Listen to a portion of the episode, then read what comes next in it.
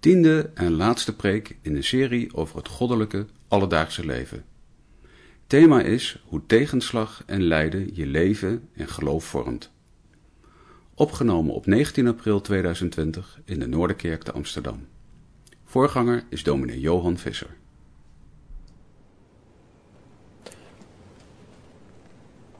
We ronden vanavond de serie over het inspired life, over het geïnspireerde leven. In het leven van alle dag met God leven ronden we af. En we hadden het al gepland voor de coronacrisis dat het, de laatste, uh, het laatste deel over het lijden zou gaan. Op welke manier het lijden van in het leven, hoe dat onze levens vormt. En hoe daarin ook meer het leven van God uh, kan komen. Nou, dat past denk ik juist ook wel bij deze tijd. We willen vanavond erover nadenken aan de hand van twee gedeelten uit de brief van Paulus aan de Romeinen. Romeinen 5 en Romeinen 8. Eerst Romeinen 5 vers 1 tot 5 en daarna 8 vers 15 tot 23. Romeinen 5 vers 1. Wij dan, gerechtvaardigd uit het geloof, hebben vrede bij God door onze Heer Jezus Christus. Door Hem hebben wij ook de toegang verkregen door het geloof tot deze genade waarin wij staan. En wij roemen in de hoop op de heerlijkheid van God. En dat niet alleen, maar wij roemen ook in de verdrukkingen. Omdat wij weten dat de verdrukking volharding teweeg brengt en de volharding ondervinding en de ondervinding hoop. En de hoop beschaamt niet. Omdat de liefde van God in onze harten uitgestort is door de Heilige Geest die ons gegeven is. En dan bladeren we een paar bladzijden verder in dezelfde brief, hoofdstuk 8, dat machtige hoofdstuk over de Heilige Geest. En dan beginnen we een beetje middenin bij vers 15 en dan lezen we tot 23. Want u hebt niet de geest van slavernij ontvangen die opnieuw tot angst leidt. Maar u hebt de geest van aanneming tot kinderen ontvangen, door wie wij roepen, Abba, Vader. De geest zelf getuigt met onze geest dat wij kinderen van God zijn. En als wij kinderen zijn, dan zijn we ook erfgenamen. Erfgenamen van God, mede-erfgenamen van Christus. Wanneer wij althans met hem lijden. Opdat wij ook met hem verheerlijkt worden. Want ik ben ervan overtuigd dat het lijden van de tegenwoordige tijd niet opweegt tegen de heerlijkheid die aan ons geopenbaard zal worden. Met rijkhalsend verlangen immers verwacht de schepping het openbaar worden van de kinderen van God. Want de schepping is aan de zinloosheid onderworpen. Niet vrijwillig, maar door Hem die haar daaraan onderworpen heeft. In de hoop dat ook de schepping zelf zal bevrijd worden van de slavernij van het verderf om te komen tot de vrijheid van de heerlijkheid van de kinderen van God. Want wij weten dat heel de schepping gezamenlijk zucht en gezamenlijk in barensnood verkeert tot nu toe. En dat niet alleen, maar ook wij zelf, die de eerstelingen van de geest hebben, ook wij zelf zuchten in onszelf, in de verwachting van de aanneming tot kinderen, namelijk de verlossing van ons lichaam. Zalig ben je als je het woord van God hoort en het bewaart.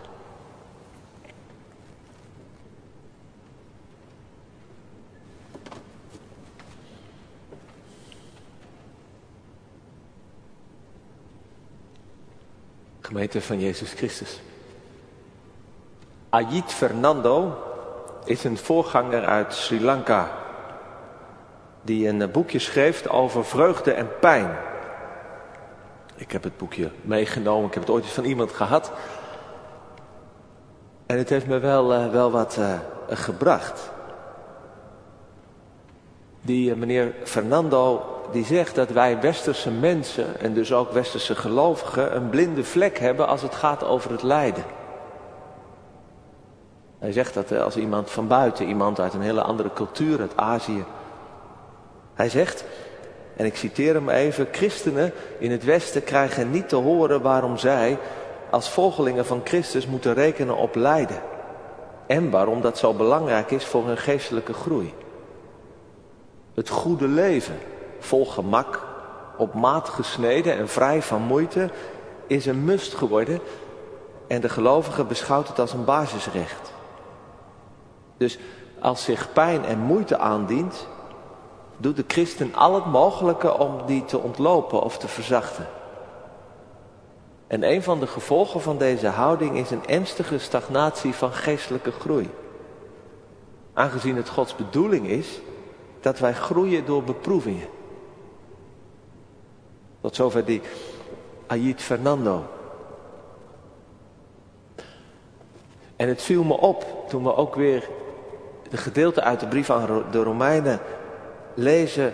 Hoezeer wij die bijbelse boodschap van het lijden, hoezeer wij die vaak overslaan. Of wel even lezen, maar dan heel snel er toch overheen lezen. Romeinen 5 is misschien wel een bekend stuk. Prachtig. We hebben vrede bij God. We hebben hoop, toekomst. Romeinen 7, ook zo'n geliefd hoofdstuk. We zijn kinderen van God. We mogen Abba, vader zeggen. Maar ik kan me niet heugen dat ik ooit goed heb stilgestaan of dat het in de kerk erover ging dat we niet alleen roemen in de hoop en in de vrede, maar ook in de verdrukkingen. En dat dat, dat, dat, vers wat volgt op dat prachtige stukje over, over Abba Vader, dat kan ik me niet eens herinneren. Wanneer wij althans met Christus lijden. We zijn erfgenamen van God als we ook met hem lijden. Dat is wel een blinde vlek dus. En ik denk dat deze wat kritische boodschap uit Sri Lanka ons veel te zeggen heeft. Omdat die Fernando ook iets verwoordt wat wij denk ik ook wel beginnen aan te voelen. Niet alleen in de kerk, ook daarbuiten. Dat doordat we zo gericht zijn op ons individueel geluk. Dat bestaat uit een zo comfortabel en pijnloos mogelijk leven. Waarin we ons eigen plezier en, en, en een beetje luxe nastreven. Dat we in dat leven iets missen. Een leegte tegenkomen. En bovendien dat het moeilijk is om om te gaan met tegenslag. Met onvolmaaktheden in relaties. Een ongeluk. Een boodschap die psychiaters als bijvoorbeeld de, de Vlaming Dirk de Wachter continu brengen. Waarom zitten er zoveel mensen die eigenlijk ontzettend gelukkig zouden moeten zijn, zitten bij mij in de wachtkamer? Omdat ze ergens niet met de kwetsbaarheid en de beperkingen en de onvolmaaktheden kunnen omgaan. Voordat ik verder ga, eerst dit. Ik ben niet alleen een westers mens, die dus ook valt onder die kritiek van Fernando. Voor mij zijn een comfortabel leven en, en, en geluk ook belangrijk. Maar ik heb ook in mijn eigen leven heel weinig persoonlijk lijden en tegenslag meegemaakt. En eigenlijk maakt me dat dus een beetje ongeschikt om hierover veel te zeggen. En zeker als ik denk aan u, aan jou, voor wie tegenslag in het leven, lijden door verlies, door ziekte, een dagelijkse realiteit is. Dus vergeef me alsjeblieft als ik er te gemakkelijk over spreek. En laat het gerust weten. Laat het duidelijk zijn, lijden is niet goed. Het is niet de bedoeling. En ons verlangen naar geluk en zo min mogelijk pijn. En ons daar ook voor inzetten bij anderen dat er zo min mogelijk lijden in de wereld is. Ja, dat is natuurlijk wel goed. En het idee dat geloven ja, eigenlijk niet zoveel met aards geluk en genieten te maken heeft, is ook een misverstand. Dat geloven zoiets zou zijn als van zo goed mogelijk door het aardse tranendal trekken en de zware strijd van het leven volhouden. Ik denk dat deze serie dat ook wel duidelijk heeft gemaakt. Dat, dat goed leven, heilig leven met God, dat heeft ook te maken met, met werkelijk het goede van God ontvangen. In de, in, in, ook in, in het hele gewone aardse leven. Maar dat is nog iets anders dan denken dat je nooit lijden moet meemaken. Of dat altijd maar ontlopen. Want het lijden hoort bij ons menselijk bestaan zoals het nu is. En denk, denk niet dat dat nou alleen maar een bijbelse waarheid is of zo. Dat, is, dat zit heel diep in ons, in, in, in hoe de mensen het leven beleven. Een voorbeeld. Het is de eerste van de vier edele waarheden van het boeddhisme. Er is lijden, is die waarheid. Waarom treft ons dit virus? Hoor je soms mensen regelmatig zich afvragen. Nou, het simpele antwoord is, zo is het leven. Waarom zou het ons niet treffen? Er zijn virussen. Er gebeuren vreselijke dingen in de natuur, met een ongeluk, door ziekte, door mensen, wat mensen elkaar aandoen, door processen die wij onbedoeld of soms bedoeld in gang hebben gezet en waar we de consequenties niet van konden overzien. Het is niet wat God wil met, met zijn goede schepping. Maar het is er wel. We hoorden Paulus in Romeinen 8 spreken over, over de zinloosheid en de slavernij en het verderf waaraan de schepping is onderworpen. Verbonden met het, met het menselijke kwaad. Onderworpen, dus dat is, dat is iets van buiten, iets kwaads wat er, wat er niet in zit. En zuchtend en verlangend naar bevrijding kreunt de schepping. En, en gelovigen die krijgen daarvoor geen dispensatie. Ja, want als dat zo was natuurlijk, dan zou iedereen als, als de bliksem in God geloven. Nee, we zitten allemaal in hetzelfde schuitje.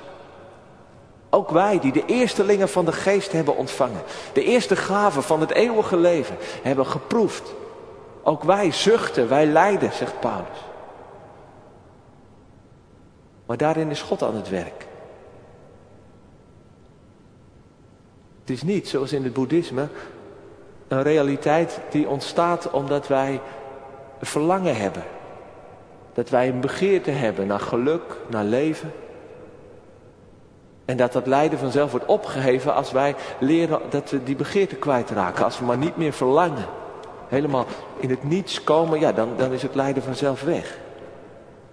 Nee, zo, dat is niet de Bijbelse kijk erop. Het zijn de geboortewegen.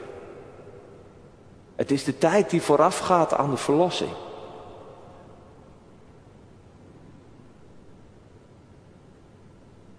En in dat lijden is God dus aan het werk. Laat Hij ook het pijnlijke, zinloze, harde meewerken ten goede. Tot verlossing voor hen die zijn geroepen. En in dat vertrouwen, en nog sterker zegt Paulus, in de overtuiging, wij weten kunnen we lijden. En verdrukking en tegenslag ook in geloof beleven. En in zekere zin ook aanvaarden. En, en uitzien hoe God dat, dat, dat laat meewerken door ons te vormen naar het beeld van Jezus. Dus het lijden op zich is niet goed. Het is er. En God neemt het mee in zijn beweging van verlossing. En hoe dat werkt, daar wil ik vooral kijken naar die paar versen uit Romeinen 5. Gewoon dan maar eens naar luisteren. Paulus begint met vrede. Het is goed tussen ons en God. Door het geloof in Christus hebben we de vrije toegang gekregen. We zijn gerechtvaardigd. Dat wil zeggen, God neemt ons aan. We mogen bij Hem horen. En als God ons aanneemt, dan is Hij trouw. Dan hebben we ook hoop gekregen dat het zo zal blijven. We hebben hoop gekregen op de heerlijkheid, de glorie van God. En daar mogen we in roemen, zegt Paulus. Dat is zo'n een beetje zo'n typisch Bijbels woord. Roemen, dat is dat je trots en, en, en triomfantelijk jezelf gelukkig prijst. Met deze God kun je leven, sterven is het goed. Dat is, dat is, zou je kunnen zeggen, de open hemel waaronder wij leven. En ook als die hemel bewolkt raakt, of donker is. Omdat we getroffen worden door, door tegenslagen. Of door verdrukking of door een epidemie. Dan nog is die hemel open. Kan een reflex zijn om te denken dat God ons hiermee treft.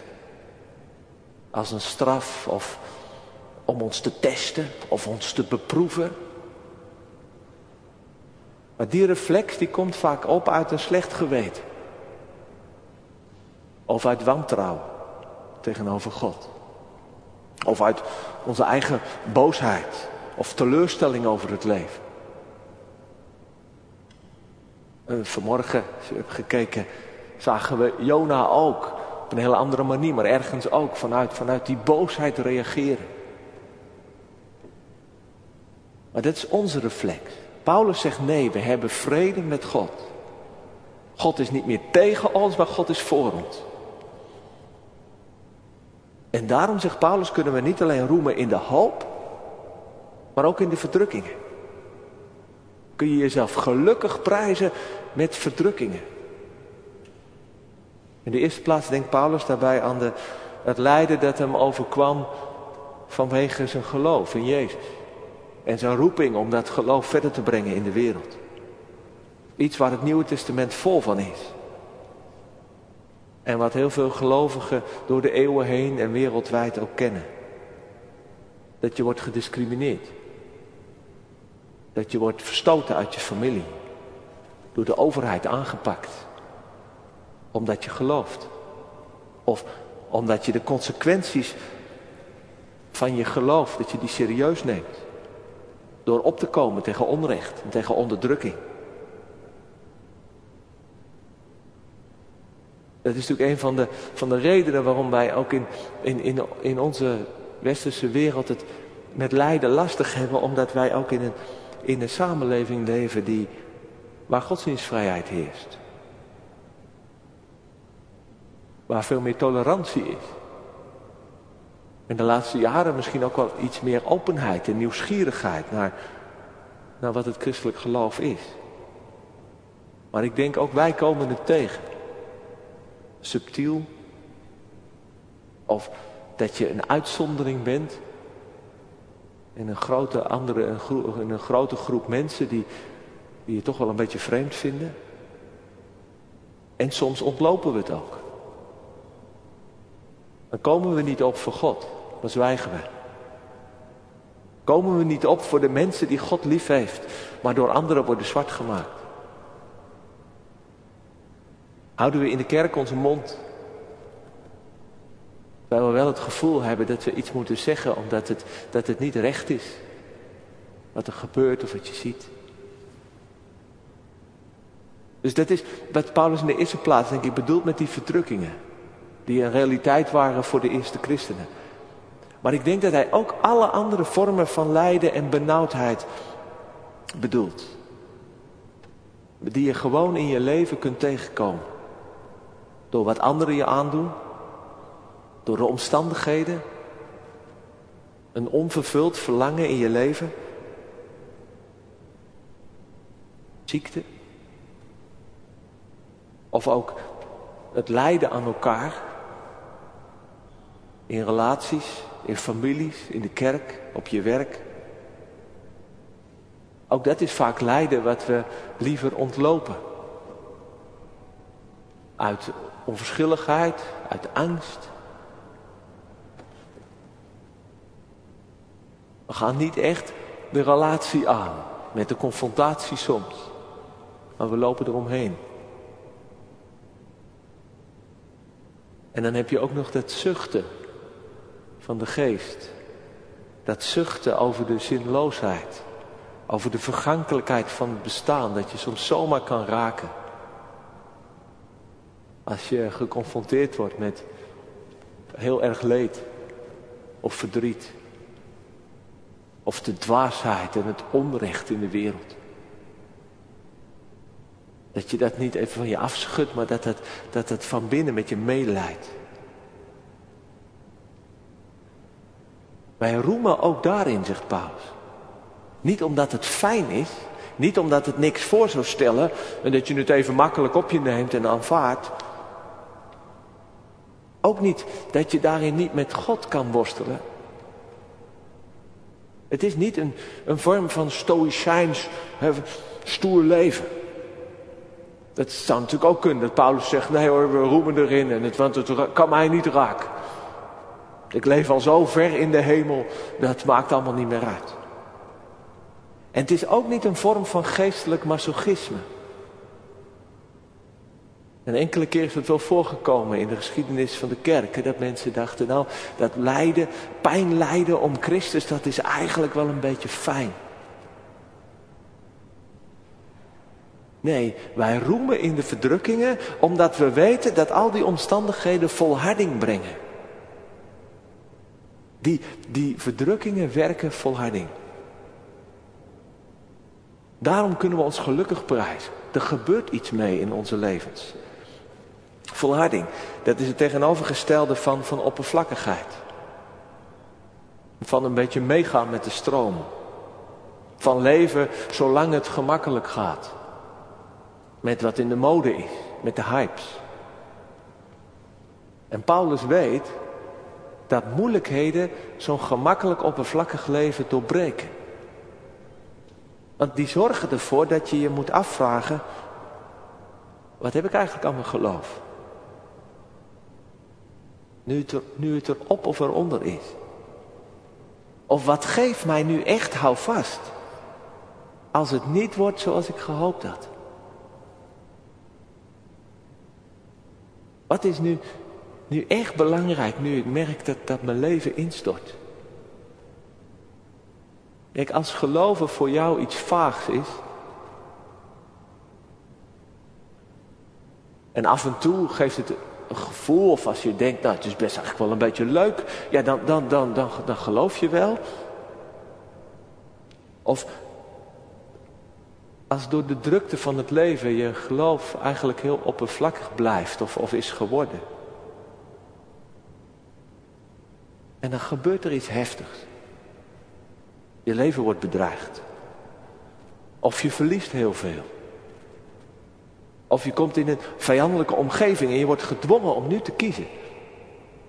Ja, als er dan iets van dat geloof in je leven is, dan grijp je je vast aan God. En dan wordt de volharding gewerkt. Dan wordt het steviger. Dan gaat het dieper. Dan besef je, en dit is toch, dit is echt waar het om gaat. Ik kan niet zonder. En ik weet ook wel dat je in zulke situaties soms dat het helemaal niet zo kan voelen. Dat je helemaal niet denkt, oh nu ben ik, nu, nu groeit de volharding. Dat het eerder een soort heel dun draadje kan voelen van, nou toch grijp ik me maar vast. Maar ook al voelt het zo, ik denk dat het niet zo werkt. Juist dat, dat werkt volharding. Als je weet, en dit is mijn laatste houvast. Het kan natuurlijk ook zo zijn dat, je, dat, je, dat er nog geen volharding in je leven kan groeien, omdat er nog geen geloof is. Dat je gewoon, gewoon lekker leeft voor een carrière, of voor huisje, boompje, beestje, of voor vrienden en feesten. En dat dan een crisis of moeite of lijden je laten beseffen dat het, dat het allemaal geen houvast geeft. En dat daardoorheen er iets anders begint te groeien in je leven. Dat je God gaat zoeken en God tegenkomt. En als het dan zich herhaalt, dan groeit er ook volharding. En die volharding, vervolgt Paulus, die, die werkt weer ondervinding. Ja, je zou beter denk kunnen vertalen beproefdheid. Of misschien zelfs wel karakter. Dat woord wat hier in onze vertaling met ondervinding is vertaald, dat werd ook gebruikt bij het smelten van, van edele metalen, goud of zilver. Door het smelten in het vuur ja, blijft er echt zuiver goud en zilver over. En wat, wat niet bij dat edele metaal hoort, dat, dat, dat verdwijnt. Ja, zo zuivert de volharding die onder de druk van lijden en tegenslag ontstaat ons geloof. Een beetje, misschien zou je kunnen denken als, als voorbeeld aan, aan een vriendschap. Die in moeilijke tijden blijft. En waar je in moeilijke tijden ontzettend veel aan hebt. Dat wordt een beproefde vriendschap. Dat, dat gaat heel diep en wordt heel sterk. Maar hoe, hoe, ziet, hoe ziet die beproefdheid, hoe ziet dat karakter er dan uit? Nou, ik denk misschien gewoon maar heel simpel. Het is volgens mij dat we meer en echter gaan geloven. In de zin dat we minder met onszelf en met onze eigen behoeften bezig zijn. En meer gericht worden op God. Dat is een zuiverder geloof. Dat is, een, dat is meer een, een, een, een geloof met, met karakter. Dat je meer gericht bent op God en meer gericht bent op geven en delen van wat je hebt ontvangen. Dat je meer oog krijgt wat er ook echt belangrijk is voor God. Dus relaties, mensen, rechtvaardigheid, hemzelf. En ik denk zelf ook aan die, die heerlijke, maar ook zo lastige vrijheid. Om jezelf te vergeten. Om niet meer zo met jezelf bezig te zijn en wat anderen van je vinden en, en, en, en, en, en het beeld wat, wat, wat, wat jij op anderen wilt overdragen. Maar dat je gewoon werkelijk jezelf kunt zijn en je, je kunt geven en, en, en kunt dienen voor God en voor, voor anderen. En, en dat karakter, die echtheid, ja, dat is ook iets van ondervinding. In en dan in de zin dat anderen daar iets van, van ondervinden. Van hé, hey, dat, dat, dat is iets moois. Dat heeft overtuigingskracht. Ik las in het boekje van die Ayit Fernando iets over een andere Aziat. Toyohiko Kagawa. Dat was een Japanse evangelist en sociale hervormer. Die om zijn geloof en ook om zijn inzet voor de, voor de armen en de hervormingen in Japan heel veel heeft geleden. Zijn lijfspreuk was, O God, maak mij zoals Jezus. Je dat meent. En hij was een keer, die Kagawa was een keer op rondreis in de Verenigde Staten om daar ook voor mensen te spreken. En tijdens zo'n bijeenkomst zei iemand, nou, hij heeft ook maar weinig gezegd. Waarop een ander antwoordde, Inderdaad, hij heeft niet veel gezegd.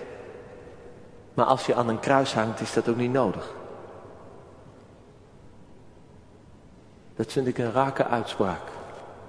Als in ons leven het kruis van Jezus zichtbaar is, doordat we met Hem lijden, doordat we het volhouden in geloof, in de moeite en de tegenslag, dan zijn we een levend getuigenis. Dan zijn we een evangelie. Dan zijn we goed nieuws over God. En ook een teken van hoop.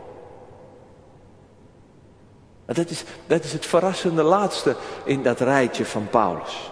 Verdrukking, dat werkt volharding. Volharding werkt karakter. En dat werkt weer hoop. Paulus had natuurlijk ook gewoon kunnen stoppen bij karakter. Ja, dan zou dat soort, hè, hem gaan om een stoer overlevings, overlevingsgeloof. Dat alles aan kan en dat het volhoudt tot het bittere eind. Maar geloven in God is blijkbaar niet alleen volhouden, maar ook hopen. Dat het lijden niet het laatste is. Dat God die ons nabij is in de ellende en in de moeite ook een verlosser is. Dat onze Heer en Heiland die wij volgen niet alleen de gekruisigde is, maar ook de opgestaan. En wie meer en meer met Hem leeft en met Hem verbonden raakt, die zal niet alleen met zijn lijden verbonden raken, maar ook met zijn opstanding. Met zijn leven, met zijn redding, zijn toekomst. En dat wekt weer hoop.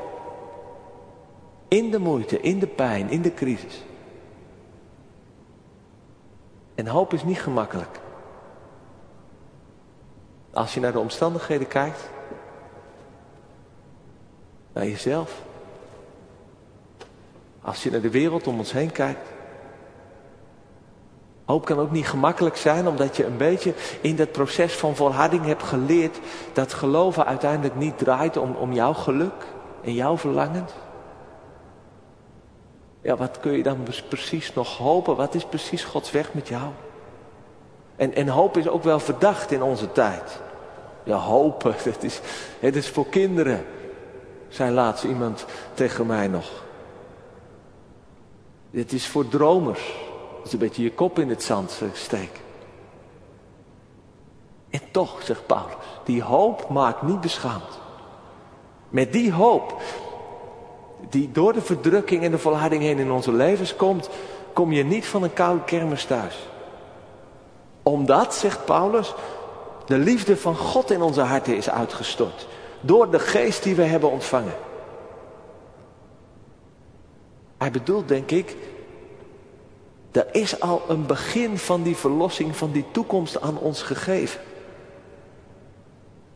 Door de Heilige Geest en de liefde van God. En dan, dat is niet een beetje, dat is uitgestort. Dus God heeft zijn liefde als een, als een emmer water over ons uitgestort in onze hart. De geest, liefde, vreugde, kracht, vrede, geloof, barmhartigheid. Waardoor je ook kunt, kunt, kunt meelijden en zuchten en volhouden. Die ervaring van Pinksteren, van Gods liefde geeft, geeft hoop en kracht. Dat wat er ook gebeurt, dat waar je ook doorheen moet, welk avontuur je ook beleven zult, wat je lijden moet, dat je niet meer uit Gods hand valt. Dat niets sterker en ellendiger en rotter en moedelozer en wanhopiger is dan die liefde.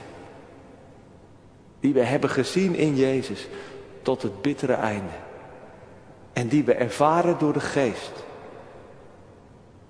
In een wonderlijke liefde en vreugde die God aan ons schenkt. Ja, ze hangen met elkaar samen. Vreugde en lijden. Alleen vreugde, dat is uiteindelijk oppervlakkig leven. Dat is dan wordt je leven licht. Een beetje een licht plezier. Dat geeft je leven geen richting en inhoud. En alleen lijden, of alleen heel somber in het leven staan, dat is, een, dat is een zwaar en donker pak dat je op je nek neemt. Dat het leven uit jezelf en niet te vergeten ook de anderen om je heen trekt. En je uiteindelijk ook kapot maakt. Maar vreugde en lijden samen. Dat is een goed, goddelijk leven. Van huilen en lachen. Van zingen en klagen. Van moeizaam volhouden en lichtvoetig dansen. Omdat de liefde van God in onze harten is uitgestort. Amen.